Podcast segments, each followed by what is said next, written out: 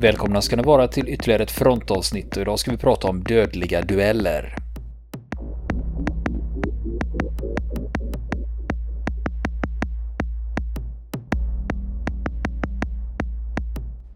Ja du Niklas, eh, dagens ämne är dödliga dueller. Var, var, är vi i luften eller är vi till lands eller var?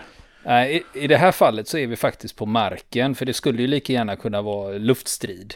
Ja. Precis som du eh, tänkte där, men den här gången är vi på marken. När folk eh, duellerar mot varandra. Och det jag har letat upp det är svenska fall när det här har hänt. Och det är när man eh, duellerar på skoj. Och det är inte meningen att man ska skjuta ihjäl varandra. Men av en eller annan anledning så finns det skarpa skott i vapnet och som skjuts så att någon dör. Ja, det var, det lät ju inte så kul. Nej, och Ja. det som är lite, nej det låter inte så kul, det är lite skrämmande. Och det är just det att det har hänt mer än en gång. kan man undra vad är det för fel på folk? Ja, ja men det, det är ganska utrett för sånt här har hänt, det får ju utredas då. Och eh, det som vi ska titta på nu, det är vad jag kallar för svensk möplår. Eh, och det är händelser som man har hört talas om eller som har nämnts på olika forum på nätet. Och sen har de valsat runt och så förekommer de idag i olika versioner. Vilka det handlade om och vad det hände och när. Mm. Och, och, och så blandas de här också ihop med snarlika händelser så det blir nya historier. Ja, Och då, då är det ju tur att fronten finns som kan räta ut alla frågetecken. Eh, Det gjorde vi med grodmännen i Karlskrona skärgård och även skjutolyckan på Inget i Södertälje 91. Mm. Du vet den här kulspruteskytten som råkar få iväg en kula 2,5 kilometer bort Mm. och ha ihjäl en bilist. Mm. Men det är inte alltid så enkelt det där när det, när det blir uppblandat med, som du säger, en massa eh, ja, när det blir en vandringssägen av det. Då eh, kan det vara en utmaning ibland att hitta vad som är kärnan av sanning i det hela om det finns någon. Jo, det, det finns ju alltid en, eh, ja, nu ska jag väl inte säga det finns alltid, det Bögkompaniet på Gotland finns ju inte till exempel och har aldrig funnits, så den får väl eh, avskrivas då, men annars när man väl börjar rota i de här grejerna och så visar det sig att det finns eh, sanning i det och Mm. man har ibland hört lite olika versioner och det är det vi ska hålla på med idag. Ja, just det.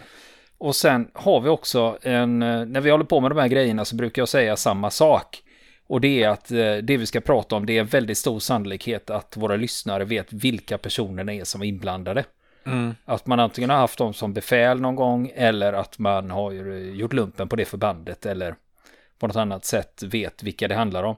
Jag kommer inte att berätta vilka det är och jag vill inte att ni outar dem heller. Eller att man tror sig veta. Och Ja, precis. Men var det inte. Jonsson på fjärde bataljon som gjorde det? Är liksom, Ja, det är bara onödigt. Sådana Ja, spekulationer. precis. det spelar ingen roll. Nej, Det här är också eh, förhållandevis gamla grejer. Det är 30 år gamla grejer det här. ja, det. Det första caset vi ska prata om idag, det utspelar sig 91. Och det börjar i januari 91 när det rycker in en ny kull värnpliktiga till flygflottiljen F4 Frösön. Det är ju Jämtland och det är Ja. utanför Östersund. Just det. Och sen de, här soldaterna som har ryckt in här, som det handlar om, eh, där har jag inte lyckats få fram riktigt hundra exakt vilken befattning de hade. Men jag förutsätter att de är närskyddssoldater. För de uppgifterna jag har fått fram, det var att de ingick senare i en närskydds och insatstropp. Och de här två soldaterna som det här kommer att handla om, med tanke på deras befattningar och deras utrustning så stämmer det in väldigt väl på hur en närskyddspluton i flygvapnet var uppbyggd vid den här tiden. Vid, vid den här tiden, vilken tid pratar vi om? 1991. 1991, ja just. Då är det så här att, att de är närskyddssoldater, det har inte jag fått 100% bekräftat. Men jag vet ju om att man utbildar närskyddssoldater på F4 vid den här tiden. Det är hög sannolikhet att det är så. Och om det är någon lyssnare som är hundra på att det var närskyddare det här handlade om, så skicka gärna ett meddelande eller mejl till oss bara för att bekräfta eh, att ja, Robert, du hade rätt. Det var faktiskt närskyddssoldater det var frågan om här. Och det hänger ihop med att det är trevligt att få allting rätt. Just det. Ja, och blir det fel så kommer vi naturligtvis berätta det på, på frontens Facebook-sida. Ja, nu lägger jag in en Mm. disclaimer här att eh, utifrån det jag har kunnat få fram så pekar det mot att de är närskyddssoldater. Men jag har fortfarande Mm. inte fått det hundra bekräftat då. Just det. Hur som helst, de rycker in i januari och de utbildas på F4 Frösön.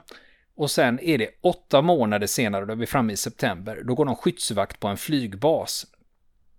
Och det här är inget ovanligt under den här perioden, att närskyddssoldater var ute och fick gå skarp vakt. Mm. Eh, och då går man som militär skyddsvakt då med en armbindel och eh, ingen kula i loppet på AK5 och så vidare.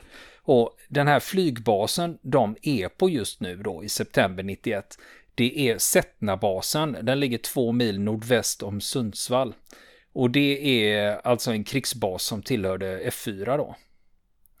Och det var ju så att värnpliktiga i flygvapnet utbildades inne på flottiljerna, men övade och var även krigsplacerade ute på flygbaserna. De flesta av dem i alla fall. Och varje flottilj hade ett antal flygbaser som de skulle omgruppera till i krig.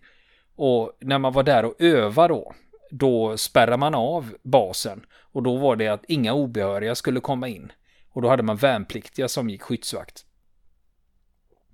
Och som jag har sagt förut, det innebär att man har en armbindel där det står skyddsvakt och man har skarp ammunition i vapnet. Men sen är vapnet laddat för vakttjänst i fredstid. Och eh, jag kommer att berätta detaljerna kring det här, för det får nämligen lite avgörande betydelse sen. För på AK4 i det här läget, då har du faktiskt gjort mantelrörelse och har en kula i loppet. På AK4 går det till så att eh, när du laddar, då spänner du upp manöverhandtaget bakåt och spärrar upp det. Så sätter man det i upphakat läge och sätter i ett magasin med ammunition och så slår man till manöverhandtaget så det åker fram igen. Och då drar slutstycket med sig en patron in i loppet. Men vapnet är säkrat och har dessutom ett säkringsbläck. Och vi pratar ju en del om säkringsbläck i avsnitten om grodmännen på Almö. Ja, just det. Men det, ja, men det är en liten röd bockad plåtbit som sätts fast för att spärra så du inte ska kunna osäkra av misstag. Mm. Och eh, när jag säger säkringsbläck, det formella namnet är säkringsplåt inom Försvarsmakten.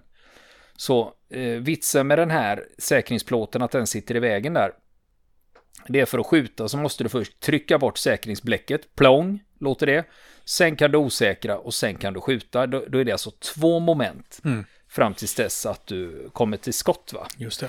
Och sen, men på AK5 så hade man inget säkringsbläck. Så för att det ska vara två moment innan man skjuter, då sätter man i ett magasin i vapnet utan att göra mantelrörelse. Då kallade man det att det är, det är laddat för vakttjänst. Så för att skjuta, då behöver man först dra tillbaka manöverantaget, släppa det så att slutstycket drar med sig en patron in i loppet. Sen osäkrar man och sen skjuter man och då blir det två moment innan man kommer till skott. De här värnpliktiga som är inblandade i den här händelsen, de är fyra stycken. Det är en gruppchef, en sjukvårdare, en hundförare och en insatsman. Och beväpningen här är blandad, för gruppchefen och hundföraren har AK5, sjukvårdaren och insatsmannen har AK4. Och gruppchefen och sjukvårdaren tillhör samma grupp och känner varandra sedan tidigare. Det är de som kommer från eh, eh F4 Frösen, de som ryckte in i januari. Men sen har vi också en hundförare och en insatsman här. De känner varandra också, men de har aldrig träffat gruppchefen och sjukvården förrän nu när de ska gå vakt vid basen. Så de, det är två känner varandra, bägge, det är eh, två par som känner varandra sen innan, men de har inte haft att göra med varandra någon eh, tidigare då. Och de fyra, de utgör alltså en omgång. En omgång är ju två stridspar då, eller en halvgrupp. De står, vid in, de står vid infarten till basen och kontrollerar de som ska in. Och innan de startade den här vakttjänsten, då hade de gemensamt laddat på order och de hade fått en säkerhetsgenomgång och befälet hade kontrollerat att de som hade AK4 hade säkringsbläck på. Och nu på morgonen, då kommer det flera som ska in på basen, så då kontrolleras deras legitimationer och sen så släpps de in. Men vid halv nio på morgonen här, då har det lugnat ner sig så då står de och pratar vid bommen. Och gruppchefen och sjukvårdaren som kommer från F4 Frösön och känner varandra sedan tidigare. De kommer in och så börjar de prata om sina vapen. Och det är ju inte ovanligt bland värnpliktiga. Har du hört det eller? Så. Nej, jag förstår inte vad du menar. Aldrig hört talas om liksom. Va? Så. Ja. Mm. Och insatsmannen och hundföraren, de står bredvid då. Och gruppchefen och sjukvårdaren, de har den här eviga diskussionen, vilken är bäst, AK4 eller AK5? Och sen kommer då frågan, ja, vem skulle få sitt vapen skjutklart snabbast? Och gruppchefen som har AK5, han säger att jag är snabbast, jag är ju gruppchef och har AK5. Och sjukvården säger att nej, men jag är snabbare. De bestämmer sig för att tävla vem som snabbast får sitt vapen skjutklart, men de ska inte osäkra sina vapen. Och det är sjukvårdens förslag att de ska tävla. De är cirka två meter från varandra. Klara, färdiga, gå. Gruppchefer gör mantelrörelser på sin AK5. Sjukvården trycker bort säkringsbläcket, osäkrar och trycker av ett skott. Skottet träffar gruppchefen i bröstet, han tappar sitt vapen och faller omkull på marken. Och sjukvården säger till de andra två, det bara brann av. Och sjukvården säkrar gruppchefens vapen och försöker hjälpa honom. De tänkte kalla på hjälp via radion som gruppchefen har fastsatt på bröstet, men den fungerar inte. Kulan har gått igenom den. Så istället så får hundföraren och insatsmannen åka iväg och larma. Och sjukvårdaren är han påbörjar hjärt-lungräddning och fortsätter med det tills ambulansen kommer. Men det som händer är att gruppchefen klarar sig inte, han dör. Och kulan har gått igenom radion, skyddsvästen och in i bröstet. Och det blir ju polissak av det här såklart. Och polisen beslagtar både AK4 och AK5. Men de kan konstatera att AK4 fungerar som den ska. Det är alltså inget tekniskt fel på den som har lett till vårdaskottet. Sen när det rättsliga efterspelet är över, då ska vapnen lämnas tillbaka till F4. Och polisen, de förhör en löjtnant som har lett den här säkerhetsgenomgången och enligt honom var han noga med att understryka just vapenhanteringen eftersom de skulle gå med skarpa vapen. Och han tycker att det var oansvarigt av de värnpliktiga att leka med vapnen. Och insatsmannen som var där, han förhörs också av polisen. Han säger att han inte kände gruppchefen och sjukvården utan träffades första gången när de skulle gå vakt vid basen. Han tror att klockan var närmare kvart i nio eller tio i nio när olyckan hände. Han säger att han och hundföraren stod och pratade med ryggen mot de andra och det fanns ingen osämja i gruppen utan alla pratade helt lugnt. Och då hörde han sjukvårdaren säga, ska vi se vem som snabbast kommer till skott. Och i stort sett samtidigt så hör de ett skott. Han vänder sig om och ser gruppchefen ta ett, sta, ta, ta ett par steg bakåt och sen ramla ihop. Och sjukvården säger att det brann bara av och att han gick fram för att hjälpa gruppchefen. Han berättar också att sjukvården försökte få kontakt med basen men att radion var sönderskjuten. Och de ansåg eftersom sjukvården ändå var sjukvårdare så var han bäst lämpad att ge första hjälpen medan insatsmannen och hundföraren åker iväg för att hämta hjälp.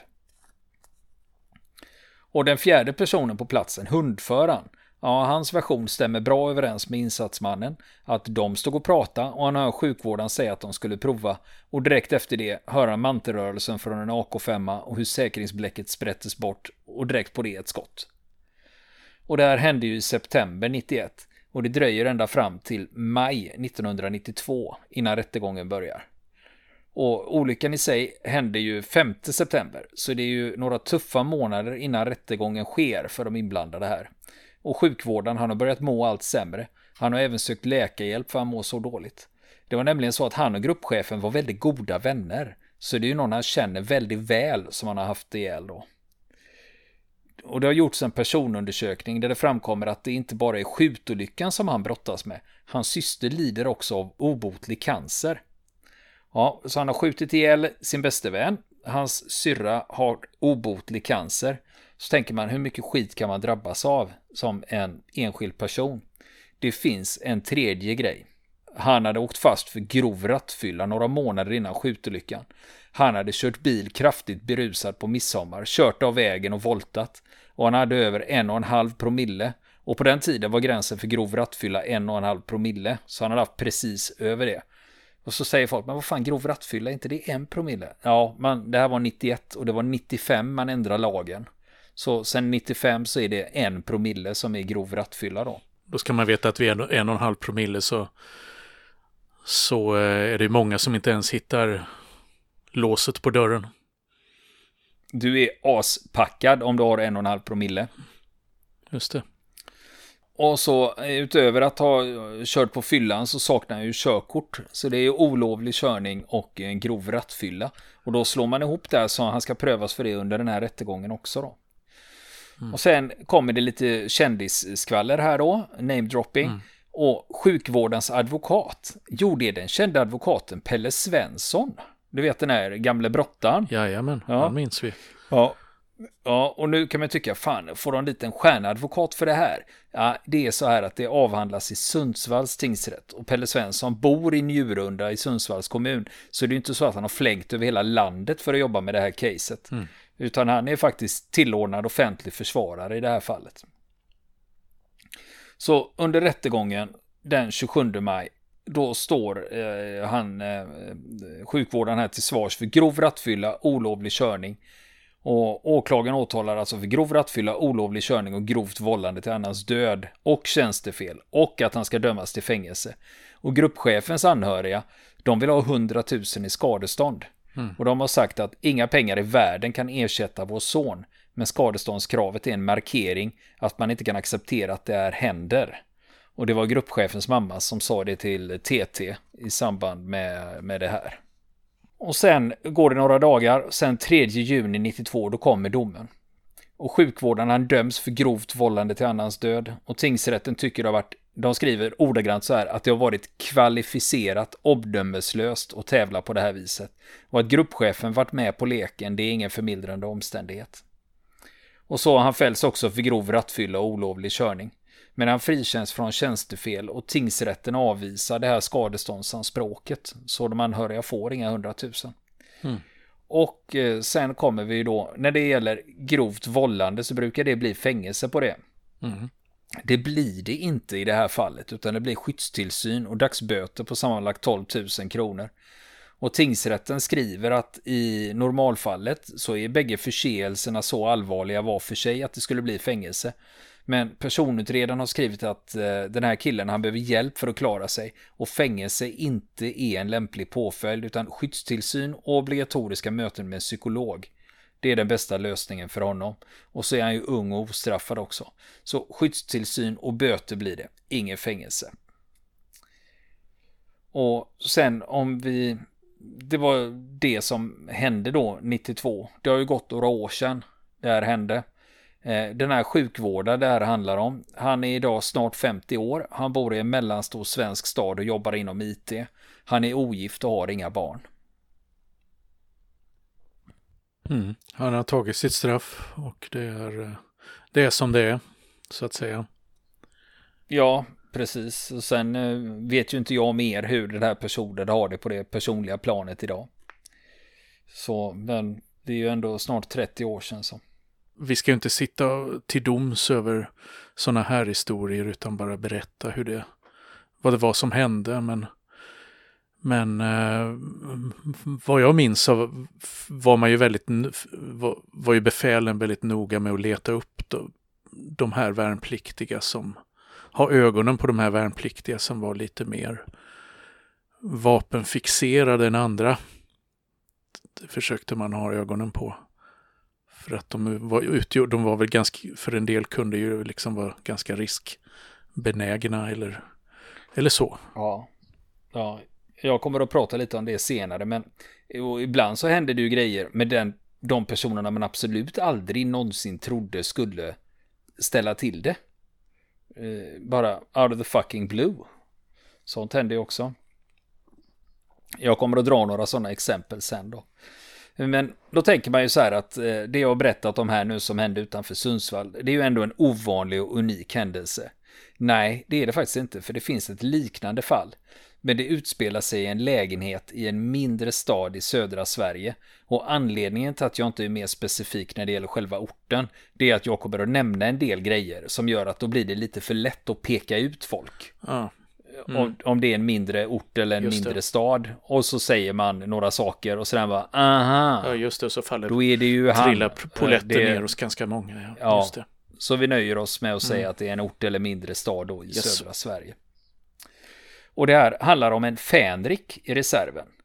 Eh, och den här fänriken, han hade tidigt intresse för det militära. För som 15-åring så gick han med FBU, det är ju frivillig befälsutbildning. Och han gick alla deras fyra utbildningsnivåer och sen gjorde han sin värnplikt på ett pansarregemente. Och efter grundutbildningen så gick han plutonsbefälsutbildning och kadettskola. Och sen gick han reservofficerskurser. Och när han är klar med det, då hade han Fänriks grad. Och nu ska vi, eh, eftersom han får ju heta Fänriken, den här personen som det handlar om. Och nu är det dags att introducera Fänrikens kompis. Men nu är det så att han är också Fänrik och reservofficer, för de hade gått samma reservofficerskurs. Så för att hålla isär dem så kommer de nu att kallas för Fänriken och kompisen. Så var det en huvudperson och en bifigur då. Alltså hade de gått utbildningen samtidigt då menar du eller? Ja, de ja. var kompisar därifrån. Klasskamrater eller kurskamrater helt enkelt? Ja, ja okay. precis. De var kurskamrater mm. på reservofficerskursen. Och det här är i slutet av april 1990 och i maj ska de gå högvakt i Stockholm. Och det är att de tillhör bägge FBU, så det är FBU ska gå högvakten där och då ska de vara med.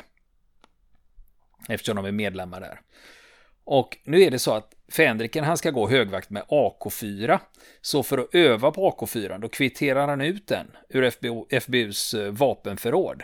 Och eh, då åker han till en skjutbana som tillhör regementet utanför stan. Och där är han och kompisen och skjuter en timme. Och sen ska Fänriken åka och låsa in AK4 i en kasun. Men det visar sig att han har inga nycklar till kasunen utan istället tar han med sig AK4 hem. Och eh, de kommer hem till Fänrikens lägenhet, de duschar och sen ska de ut på stan. De går till en restaurang och äter och dricker. Det blir några öl och någon shot. Det här var ju 1990 så de dricker B52 om någon mm. kommer ihåg den. Ja.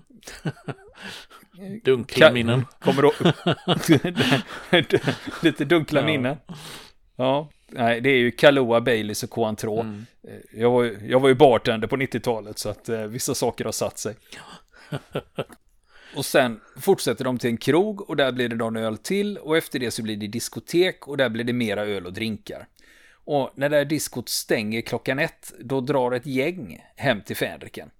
Nu är det så att i den här lägenheten, det finns inte bara en AK4 utan även två pistoler av modell 40 från svenska försvaret mm. då.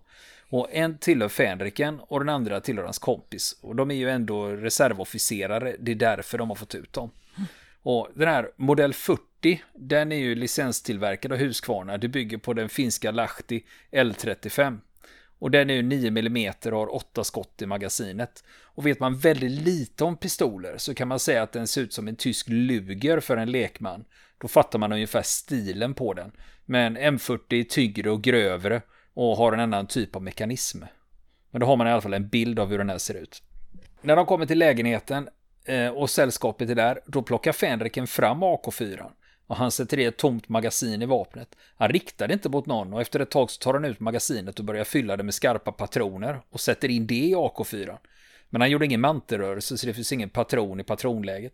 Så även om man skulle osäker och trycka av så kommer det inte att hända något. Men nu reagerar en av killarna i sällskapet, en gammal FBU-kompis till Fänriken och skriker åt Fänriken, ja men lägg av med det där, vad du håller på med. Så han tar ut magasinet och börjar plundra det. Och när man plundrar ett magasin, det betyder att du tar ut patronerna ur magasinet. Och, och efter det så åker hela sällskapet iväg. Och Fänriken och kompisen de äter vid en korvkiosk och sen får de skjuts hem igen. Och kompisen, han bodde egentligen i en annan stad så han ska sova hemma hos Fänriken.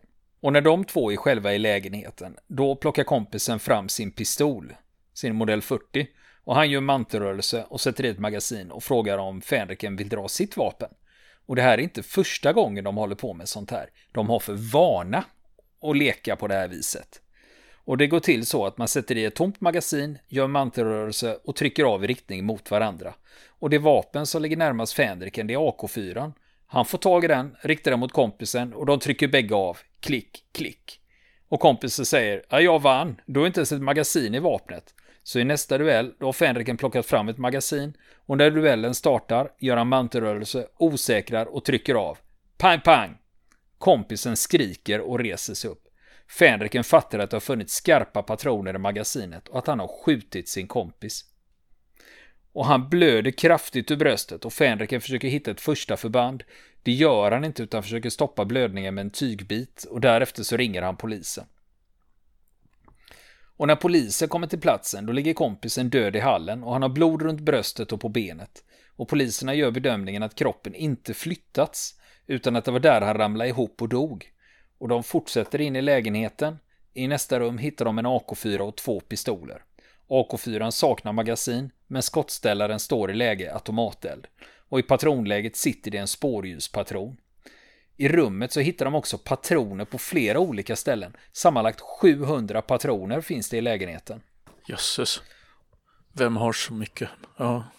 Ja, en, eh, en Fänrik 1990 har det hemma i sin lägenhet. Och vid en närmare undersökning av rummet då hittar poliserna två kulhål. Ett i väggen och ett som gått in i soffan. Och det har gått igenom soffdynan och sen stannat i soffans ryggstöd. och ingångshålet i soffdynan är mer ojämnt än det i väggen så poliserna drar slutsatsen att det är den kulan som gått genom kompisens kropp. De bedömer utifrån hur kulorna gått in i väggen och soffan att AK4 varit en meter ovanför golvet när skotten avlossades. Och den här akon den skickar man till SKL i Linköping. Det heter ju Nationellt Forensiskt Centrum idag. De hittar inga fel på vapnet. Det fungerar som det ska, så det är inget tekniskt fel som gjort att något skott gått av. Och med hjälp av analysen av kulbanorna och obduktionsresultatet då slår polisen fast hur det gått till.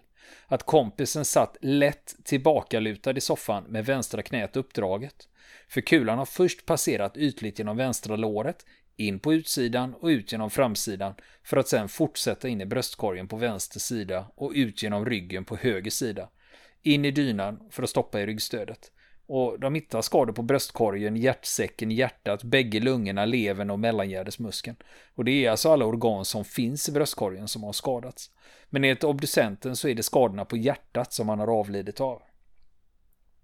Och kula nummer två, den har ju träffat i väggen snett uppåt höger från det första skottet. Och det stämmer ju med en AK4 beter sig under automateld, den stegrar åt höger.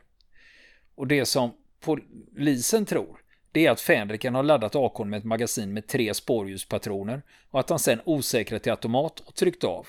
Två skott har gått av och det tredje låg i patronläget.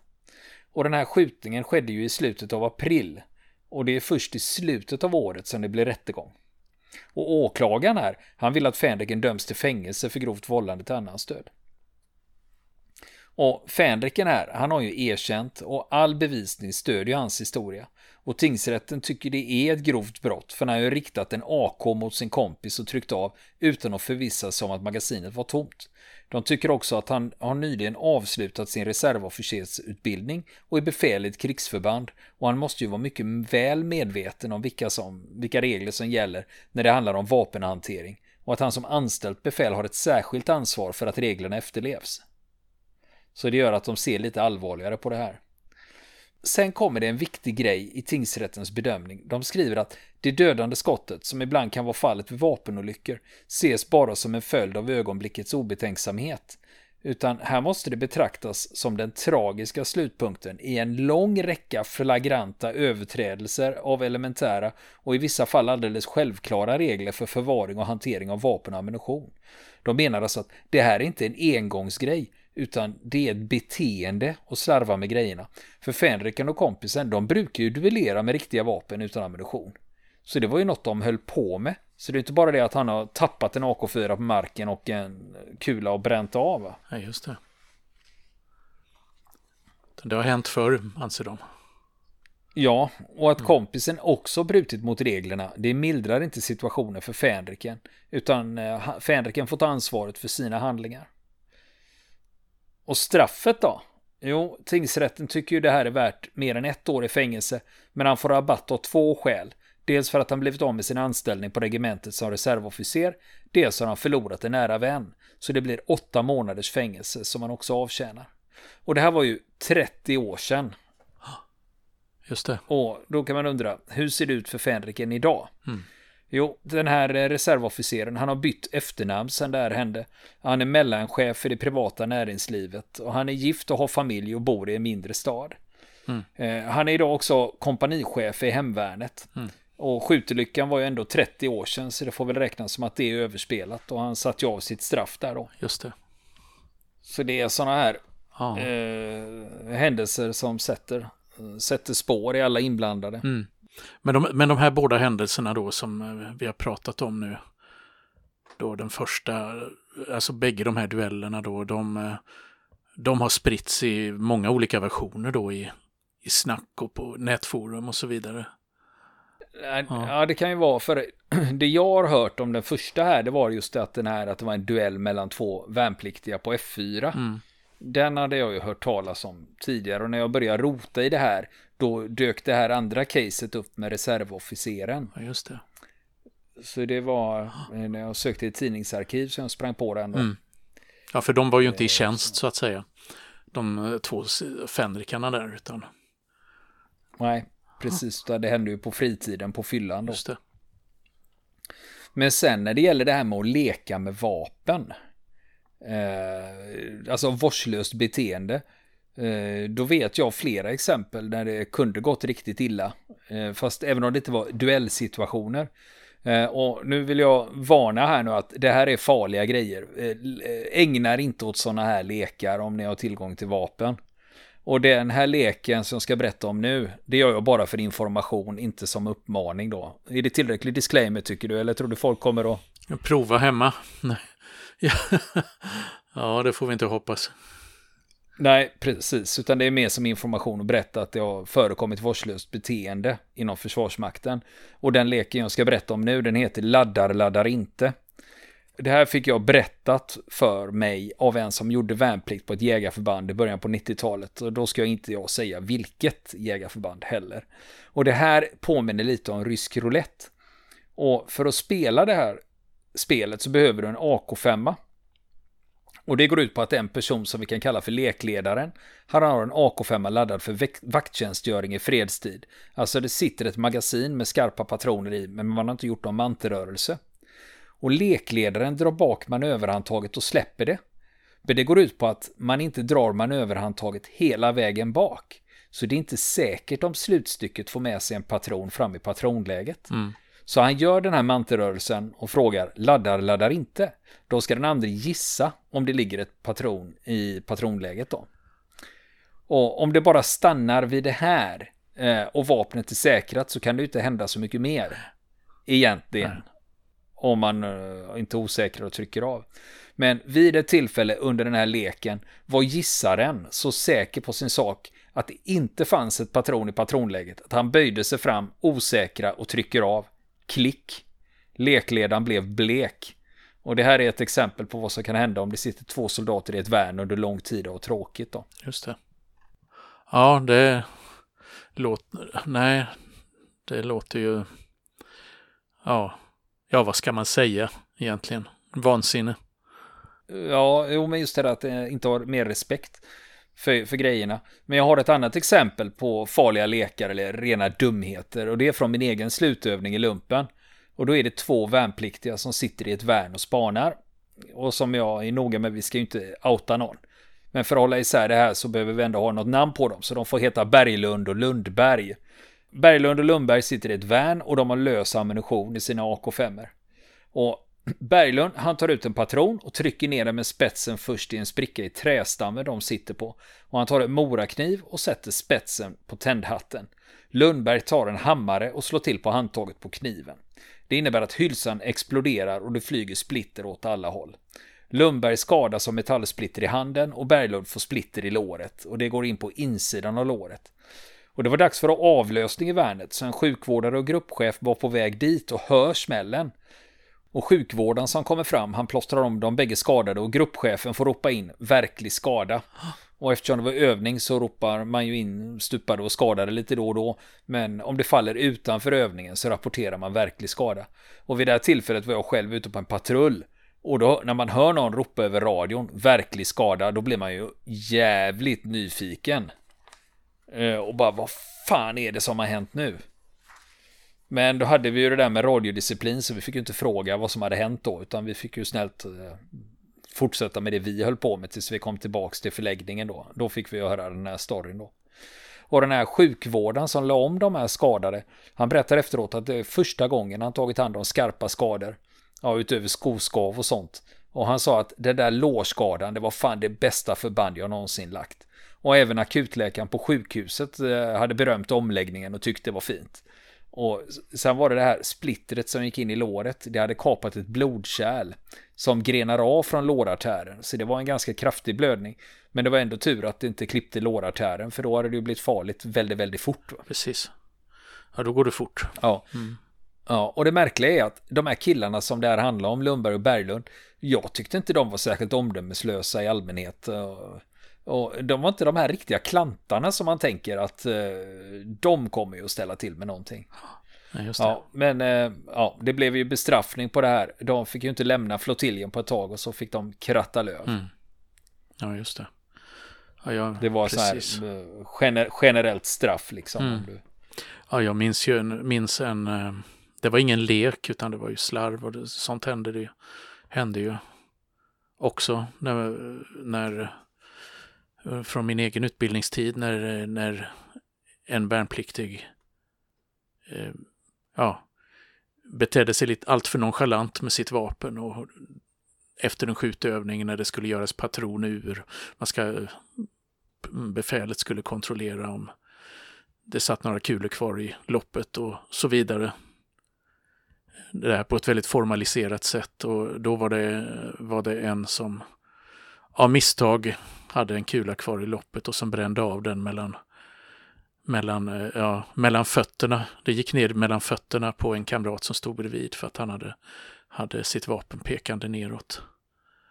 Och eh, det, blev ju, det blev ju ingen rättssak av det, men det blev, blev ju omedelbar bestraffning att den här, den här personen fick. Eh, de lastade på honom, jag kommer inte ihåg hur, om det var en grupps eh, Eh, k-pistar eller om det var ännu fler. För att han, ja, och så fick han springa hem med de här och hade, hade ett befäl på varje sida om sig som vrålade honom i öronen.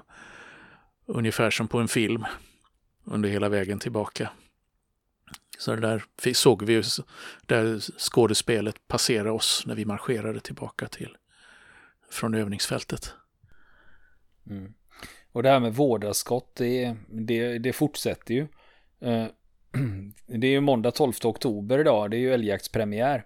Och redan har det ju hunnit bli vårdarskott. Så att... Eh... Just det, det är både i det militära och det civila liksom och även trots för, föreskrifter och utbildningar och sånt så den mänskliga faktorn går ju inte helt och hållet att eliminera. Att folk inte är på sitt bästa, har sin bästa dag eller så. så. Ja. Mm. Ja, det fanns ju ett eh, fall ganska nyligen i våras i Göteborg i en vapenvårdslokal där eh, eh, det var hemvärnet var där för att göra vapenvård efter en övning och då var det en av deltagarna där som hade tagit med sig sin privata pistol och ska göra vapenvård på den och råkar bränna av ett vårdarskott som träffar honom själv i handen och en kabrat i benet. Nu blev det ju inte så mer av det men jag tänkte jag ska kolla upp det caset sen när när eh, eh, antingen åtal eller dom kommer på det. Så det kanske var anledning att ta upp det igen då. Även om det gick eh, förhållandevis bra den här gången. Ja, precis, men det kan ju finnas intressanta aspekter på det att berätta så att säga just utifrån vapenhantering och så. Så att det får vi ju, får vi ju titta på. Ja, nej, för så fort det gäller vårdarskott så kommer ju första tanken så här, men hur kunde detta hända? För, vi, för militären har ju väldigt eh, strikta säkerhetsregler för vapenhantering, vad man får göra och inte får göra. Och ändå så lyckas man då komma runt eh, det här vid flera tillfällen. För du vet, när jag skulle leta efter det här, de här casen och jag sökte på, jag gick, eh, sökte på ett digitalt tidningsarkiv och söker på vårdarskott. Bara, slabbadam liksom. Datorn höll ju på att välta liksom. Så det är ja, ju inte...